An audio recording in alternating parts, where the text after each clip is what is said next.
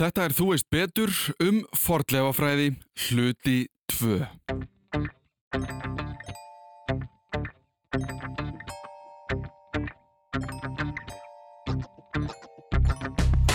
En við vitum það til dæmis núna að fólk var í Reykjavík fyrir 874. Þannig að já, við vitum það til dæmis að þegar eða ef Ingólfur kom til Reykjavíkur þá var einhver þar á undan honum. Það er til dæmis eitthvað sem fornleifafræðin hefur sagt okkur með vísundum. Drónar er náttúrulega búin að breyta alveg rosalega mjög fyrir okkur. Ég hef staðið í skurð í, í, í miðbæri Reykjavíkur með opnar skolplagnir en maður getur samt svona stundum og svo styrta niður ykkur staðar og maður er bara yes og maður er einhvern veginn hugsaður um þessa manneski sem var þarna fyrir 1200 árum að, að mjölka kuna sína eða, og hefur mist ringin sinn í flórin og ekki fundið hann aftur. Veist, við þurfum að vita hvað er að hverfa. Já. við þurfum að vita veist, hvað, við vitum alveg við getum ekki bjargað öllu Í síðasta þætti kom Lísabeth Guðmundsdóttir til mín og við rættum um fornleifafræði. Fórum þá yfir helst hvaða staðir verða fyrir valinu, hvernig þetta byrjaði hér heima, þá mest í kringum Íslendingasögurnar. Við snertum aðeins á hversu mikið af sögulegum verðmætum er að tapast í veðri og vindum, áður en við náum að skoða og uppgöta hvað átti sér stað þar. Í þættinum í dag höldum við áfram en förum aðeins út í hvernig fordlefa uppgröftur fer fram, hvernig framtíðin verður og hvort það sé einhver ein pæling eða staður sem margir er að eldast við. Við byrjum þó aftur á örsnökri endurkynningu á Lísabetu sjálfri áður við förum í það hvernig þú byrjar að grafa upp minjar. Já, ég heiti Lísabeth Gummistóttir og er fordlega fræðingur og hef unnið með það síðastliðin 15 ár næstu og núna er ég sérst doktorsnemi í fordlega fræði og það er svona mín aðal vinna í augnablikinu.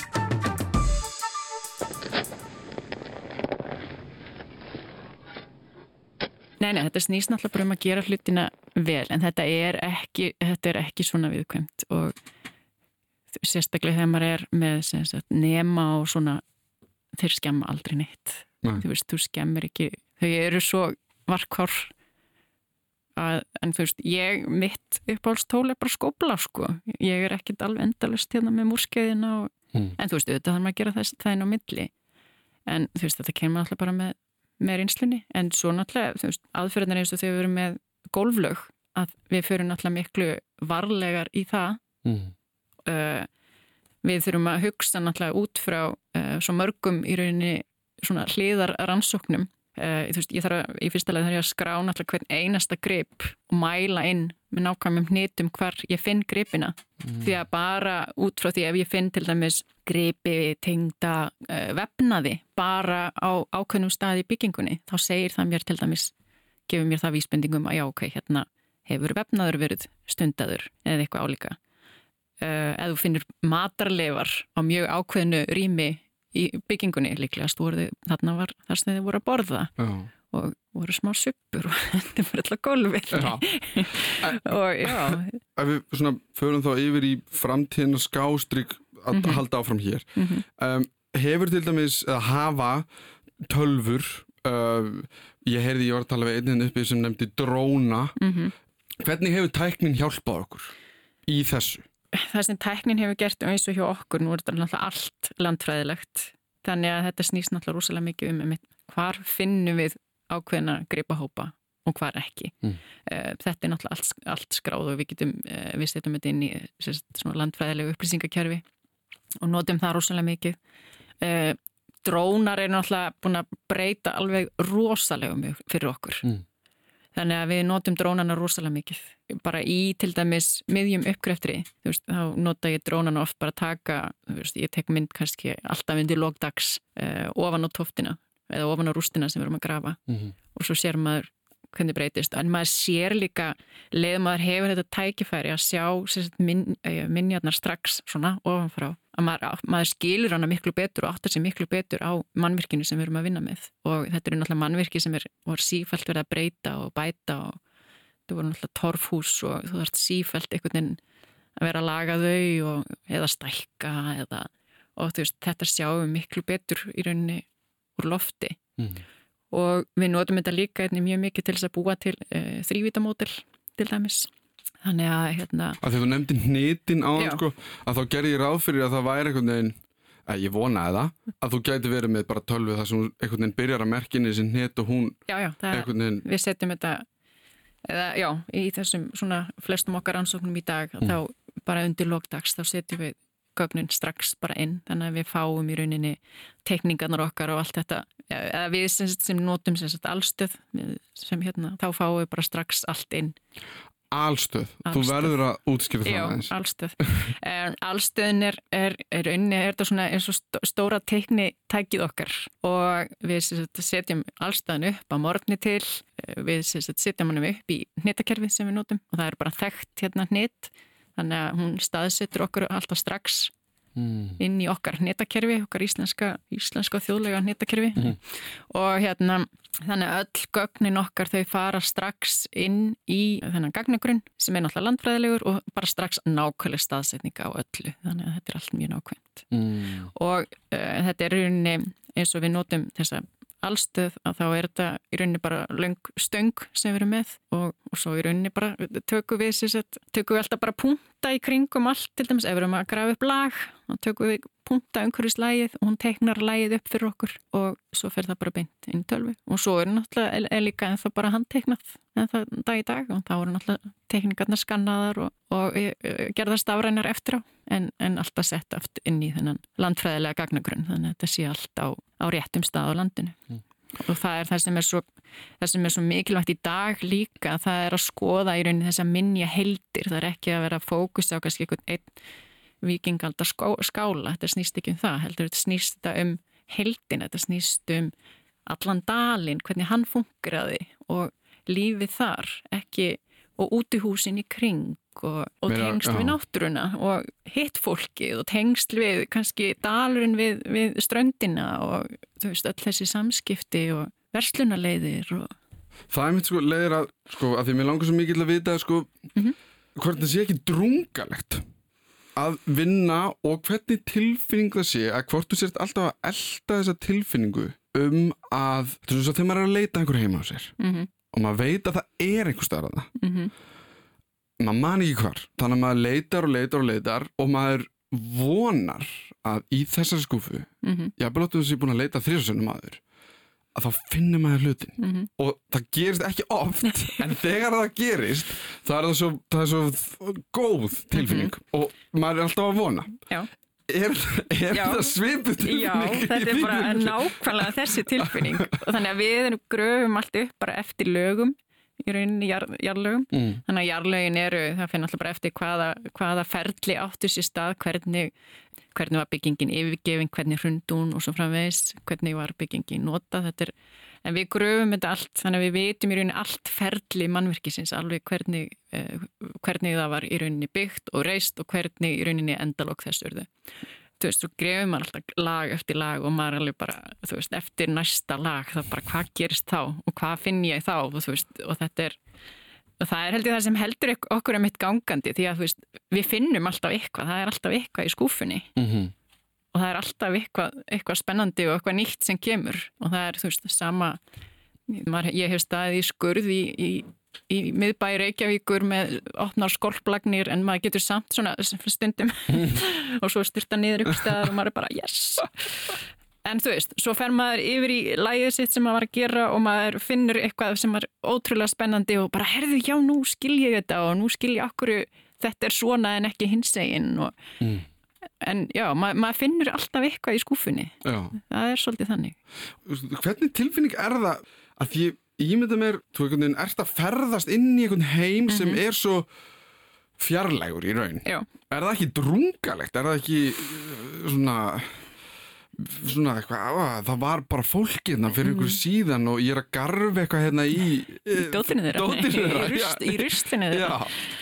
Um, nei ég, ég, ég veit, nei. Þú upplifir ekki þannig? Nei, mér finnst það bara ótrúlega mér finnst það svo ótrúlega gaman. Mm. og maður stundum, maður tekur sem dæmi að maður fann hérna því ég var að vinna uh, við rannsóknir í bæ í Lækakötu uh, og þar fannst uh, silfurringur í fjósinu og þá finnur alltaf haugurinn alveg, alveg á hérna, flegiferð mm. Vist, hvernig endaði silfurringurinn í fjósinu og, það er einhver saga hér já, og, fer, og, veist, og það eru þessar örsugur sem eru líka svo skemmtilegar en sem maður, svona, maður endalist að velta fyrir sér en þetta við ekki með neitt svona vísindarlegt þarna bakvið en, en maður, maður, þú veist, hugurinn fer og flegi ferð og það er ótrúlega gaman og maður er einhvern veginn hugsaður um þessa manneski sem var þarna fyrir 1200 árum að, að mjölka kuna sína eða, og hefur mist ringin sinn í flórin og ekki fundið hann aftur um. og Silvi Ringur sem hefur verið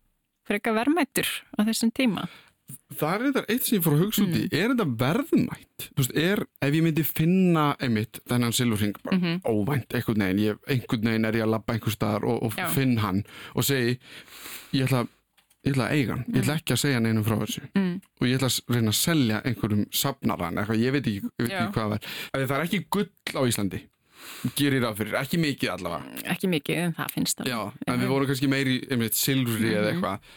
Eins og þetta silfur hans eigils ég mhm. meina, er fólk að horfa það út frá einhverjum svona peningalögum þú veist, gæti ykkur horta á það þannig? Sagt bara, ef ég finn þetta silfur hans þá er það bara margra miljónur virði eða eitthvað. Sko, það eru náttúrulega, það eru í rauninni uh, í lögum hérna á Íslandi að þú finnur í rauninni segjum sér svo að þú myndir finna silfursjóð mm -hmm. um, þá getur þú fengið í rauninni virði silfursjóðsins í peningum.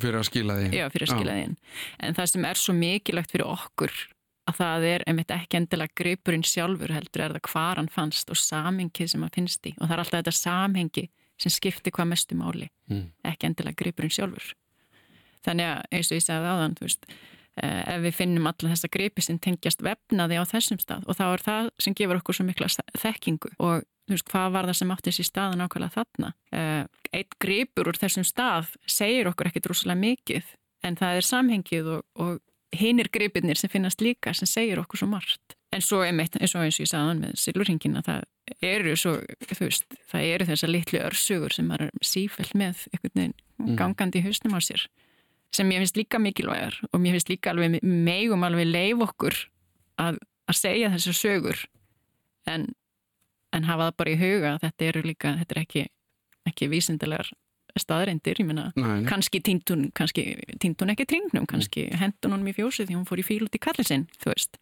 Það er mjög margt, ég menna hausunum mér fór á flug, það er alveg rétt þegar ég heyrði þetta.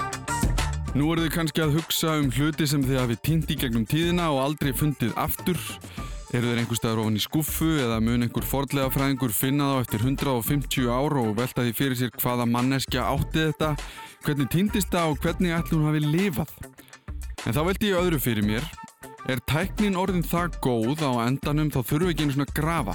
Við getum bara tekið einhverja rönganmynd af svæðinu og það er nóg. Við getum náttúrulega verið með alls konar uh, loftmyndir og þrývitamótel og búið til þína kenningar en til þess að sannræna þessa kenningar sem þú ert með veist, þá þarf þetta að grafa, mm. mhm. þarf þetta að finna út hversu gamla minjaðar eru. Þannig að þú ert með sérst, ykkur mótil eða uh, jarðsjármælingar eða eitthvað, eitthvað álíka, þú veist ekki hversu gamalt það er. Þú veist, jú, hérna er einhvað sem er svona í læginu en við þurfum að, ef við ætlum að fara eitthvað, eitthvað lengra með það, mm. að þá þurfum við að, að grafa það og nálgast efni við þinn og komast svona í tengslu við hann. Mm. Þannig að en öll þessi, öll þessi auka tækni og, og þekking er alveg er frábær og hefur hjálpað okkur alveg ofbúslega mikið og bætt við þekkingu algjörlega mm. og er bara nöðsynlegur og, og hluti af okkar ansóknum í dag. Þannig að framtíðin er kannski bara að klára enn ring sem við vorum að tala um hann, eða fyrsta ring. Það er algjörlega, það er alveg náttúrulega bara fyrst nummer 1, 2 og 3 að það er að klára þessa, er að fara, klára þessa forklefaskráningu mm. sem er náttúrulega nummer eitt og við þurfum líka að vita veist, við þurfum að vita hvað er að hverfa oh. við þurfum að vita veist, hvað, við vitum alveg við getum ekkert bjargað öllu en við vitum allan að vita hvað er til staðar þannig að við getum þá lagt áherslu á herru, þetta eru minjar sem við þurfum að leggja áherslu á við vitum ekkert um þær, við þurfum að rannsaka þær mm. uh, hérna eru minjar sem við vitum rosalega mikið um uh, því miður þá getum við ekki lagt fjármunni í það Þannig að við, bara til þess að við getum í rauninni e, fókusera á efni við sem við vitum ekki mikið um Mhm. að þá þurfum við þessa fyrstu yfirferð og síðan náttúrulega þarf náttúrulega bara fólk líka, fólk á Íslandi og alþingismenn og náttúrulega bara allir að átta sig á því hversu ótrúlega flottur menningararfun okkar er og minjarnar sem við höfum. Þetta er ekkert veist, þetta er ekkert til að skammast sín yfir þetta er ekki bara eitthvað fólk í einhverjum Moldarkofum, þú veist, eins og viðhorfið svolítið er. Þú veist, ef maður talar bara um, um torfið, hversu frábært byggingarefni þetta er. Mm.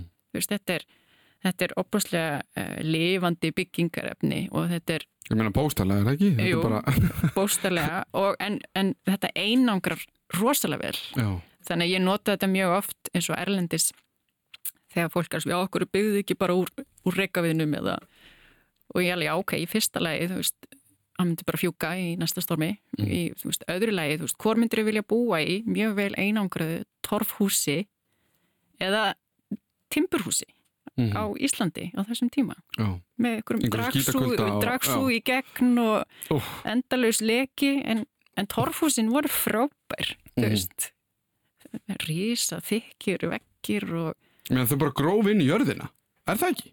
nei, þau Nei, rauninni þau byggðu úr moldarkuppum. já, þetta eru rauninni yfirleitt tekið úr, úr votlendi, Já. þannig að þetta er hérna, Svona svipaði svo snjóhús, eða hvað? já, í rauninni getur Ef við einföldum þetta alveg svakalega mikið, já. mjög einfaldað, já, í rauninni Já. já, Einmitt. í rauninni uh, því ég, þá kveikna alltaf bara nýjar Já. nýjar spurningar um mér Mhm. hvað gerðist í þessum sko að því ég man einhvern tíman að þá heimsótt ég eyðibíli Mhm. út á landi þrjú fjögur eyðibíli Mhm. og það virtist vera bara eins og fólk hefði staðið upp og lappað út Já. og bara sagt ég er farin Mhm.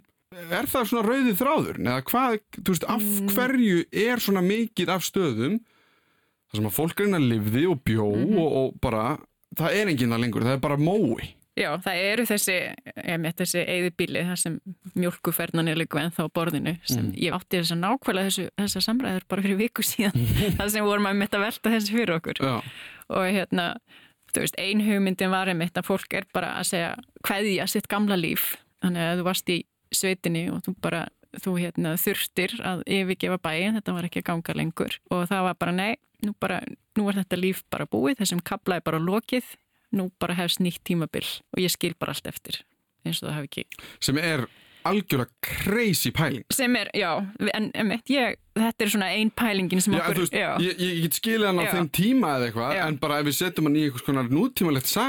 þá, þá myndi fólk bara hafa áhyggjur af þér, ef þú myndi bara lappa út og segja bara ég er farin. Já. ég bara, þetta er ekki að ganga þetta er líf mitt Einmitt. og ég, ég ætla bara að byrja bara Þú bara upp á nýtt Já, en hugsaði frelsið samt. það er alveg stórkostlegt frelsi Já. sko.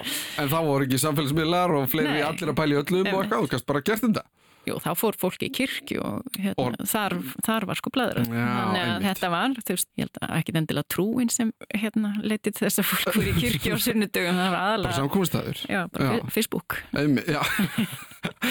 Þannig að það, það er kannski pælingin bara, þetta, það bara fór eða það bara dó er einhver og þá bara já, svona, þetta er svona það sem okkur dætt til hugar. En svo er náttúrulega líka til önnur dæmi þar sem fólk flutti allt, það flutti húsið það hérna flutti og tók bara allt húsið með sér og byggði það á nýjum stað þannig að það er mörg dæmi um það líka og þá er það einmitt kannski komið út í eins og að tala um aðan með veðri þú veist, Mhm. eða eitthvað það bara sett heyrðu, eða jörðina eða eitthvað Mhm. þetta er ekki að ganga, þetta Já. var náttúrulega með miklu leiti þá landbúnaður eða sjávarútugur eða eitthvað mm og bara, heyrðu, hér er engin fiskulengur eða hér er jörðin orðin Mhm. ónýt við verðum bara að fara Já, eða einangrun eða, Já. eða eitthvað álíka. Já, þetta er bara komið gott. Síðast spurningi þá, Mhm. er eitthvað svona holy grail á Íslandi? Ég, við erum búin að tala um Silfur Eils Já, Það er það sem ég heyrði bara í Mosó í Já, bara já. síðan ég var úlingur eða hvað sem já, er sko. já, en er eitthvað annað svona sem að við erum einhvern veginn svona Fólk á Íslandi er ofsalega upptekið af landnámi og landnámi fyrir landnám. Það kannski er svona svolítið, svona, hvað er, já, þessi heila í kallikur. ja, að finna bara út Já, það, fólk, fólk er rosalega upptekið af því að finna eitthvað svona, já, landnám fyrir landnám eða, Þegar við séum landnám fyrir landnám, hvað Eh, meinar? Að bara það hafi verið einhver einna áður en það af hvað Ingólfur Arnarsson eh, hendi, hver er sagan? Ég, Drumbunum. Drumbunum? Já, þú veist, erum við að tala um það? við erum alltaf með reytu heimildinar og við erum alltaf með, með aðra fróða og fleiri sem sögðu 874 eh, hófst landnám á Íslandi og þá kom Ingólfur til Reykjavíkur. En við vitum það til dæmis núna að fólk var í Reykjavík fyrir 874. Þannig að já, við vitum það til dæmis að þegar eða ef Ingólfur kom til Reykjavíkur þá var einhver þar á undan honum. Það er til dæmis eitthvað sem fortlegafræðin hefur sagt okkur með vísundum. En hvernig, hmm, ok, þannig að það er bara, það er ekki satt að Ingólfur Arnarsson hafi fund, hafi verið hérna numi land fyrstur, eða eða Nei. hvernig það er. Það er bara saga. Það er bara saga. Já. Og við, en við vitum ekkert hver það var sem var hérna undan. Nei, en, en ef þú bara ímyndaðir bara landnám, við veitum að, að, að Ísland var numið á mjög stuttum tíma. Mm -hmm. Eh, hver, hver einasta jörð á Íslandi var líka við numin á þetta, veist, landið er komið í byggð, nánast all landið á mjög stutt tímabili og, og ef þú hugsaði bara svona raukrétt að það gerist ekkit bara, bara herðu, nú ætla ég bara að leggja í hann og bara vona það besta, Mhm. þú veist þú ímyndaði bara prógramið að, að koma fólkinu til landsins, þú þarf að hafa eitthvað upp á að bjóða og það lítur að hafa einhver ástæð fyrir því að, að þetta landi numið svona á svona skömmum tíma og í rauninni allt landið, þú veist, það var eitthvað, eitthvað prósess þar á bakvið Mm -hmm. maður maður ímynda sér hérna, eitthvað svona svona brjálaðinga í, í Noregi og bara, hérna, ef þið komið með mér þá býð ég ykkur, gutt Já. og græna skóa Hérna fyrir hérna landinu. Já, þú veist, Um, það þarf að, veist, það þarf einhvern veginn að auglýsta landið og auðvitað þarf að vera búið að kanna landið og undan mm -hmm. það þarf að vita í rauninni hvað við getum bóðið upp á þannig að, þú veist, öll landkönnun og þú veist, fólk var hérna náttúrulega mun fyrr á ferðinni og þú veist, bara að kanna all landið tekur, tekur tíma Þetta er mjög merkilegt. Að Við erum alltaf upptekinn af þessu, ert að segja. landnámi svolítið, já, við erum Já. svolítið upptekin af landnáminu og, og þetta hérna, út af því við erum náttúrulega með þetta uh, kjóskulag þannig að við erum með þessa landnámskjósku og við Það er eldfjalla. það er, já, það er rauninni bara aska úr, úr eldfjalli Mm -hmm. og uh, við finnum uh, mjög sjaldan, mjög sjaldan eitthvað undir þessu lægi og þetta kjóskulag, þetta öskulag hefur verið aldursgrein það er núna nýjasta nýjasta aldursgreiningin á því er 877 pluss mínus 2 Mm -hmm. það var þetta 871 fyrir nokkru þannig að en núna veitum við alveg að, að, að, eftir að þetta að þessi gjóska fellur að þá kemur fólk hérna alveg í bátsfarmara fólki mm. í rauninni og, og sest hér að en fyrir það er ekkit, er ekkit mikið að gerast þannig að Þegar fólk, þú segir ekki mikið að gerast. Já, við finnum ekki margar vísbendingar um það að fortlefa fræðilega séð Mm -hmm. En það er náttúrulega alltaf eitthvað og það til dæmis er í Reykjavík. Þar vitum við að fólk var komið áður en þetta, þetta gjóskulag fjall. Þannig að Reykjavík var til dæmis eitt sá fyrsti staður uh, sem var þá numin á Íslandi. Þetta gjóskulag, Mhm. hvaðan er það? Hvað fjall er það? Vitum við það? Já, það er hérna veiðubötn. Það eru veiðivöld. Já. Að þau hafi gósið. Yfir allt landi. Uh, nánast ekki alveg allt, nei. En, En- nánast? ekkert á, vestfjörðum til dæmis. Það Já, engin eru að verið spes. Já, þannig að það var svolítið gaman að, að vinna þar. Eh, Ég er búin að vera að vinna þar svolítið og þar eru við ekki með neinn gjóskulög og þá finnum maður hversu ofdegraður maður er. Já, því það er erfiðara. Já, að- þeimlega, þá þurfum við að nota, þá náttúrulega notum við greipina rosalega mikið og svo þurfum við að senda í geislakóls aldursgreiningar. Já. En víða annars þar á landinu og þá erum við náttúrulega með eh, landnámskjóskuna og svo erum við með gjósku frá 1104 og við erum með gjósku frá Já, því, já, þú veist, frá 1300 og svo er, er það náttúrulega bara misjátt, misjátt á hvar á landinu maður er, hvaða gjóskuleg eru þar að finna. Mhm. En maður notar þau náttúrulega rosalega mikið til þess að... Þau eru bara svo tímalínur í tré eða Já, það er bara, það er náttúrulega, einmitt, þetta er alveg, við erum ótrúlega degruð með þetta. einmitt. Og geisla greining, Mhm. þú sagði það ekki, Mm -hmm. C14. er það pínu eins og þegar bara DNA kom í, ég veit ekki, læknisfræði eða, eða, eða hérna, til lauruglunar eða eitthvað, þá allt innu auðveldaðist Já. starfið mjög mikið, eða sagt, Já, þetta er, þetta er svona bara ein aðferða mörgum til þess að aldursgreina. já, hvernig var það gert áður?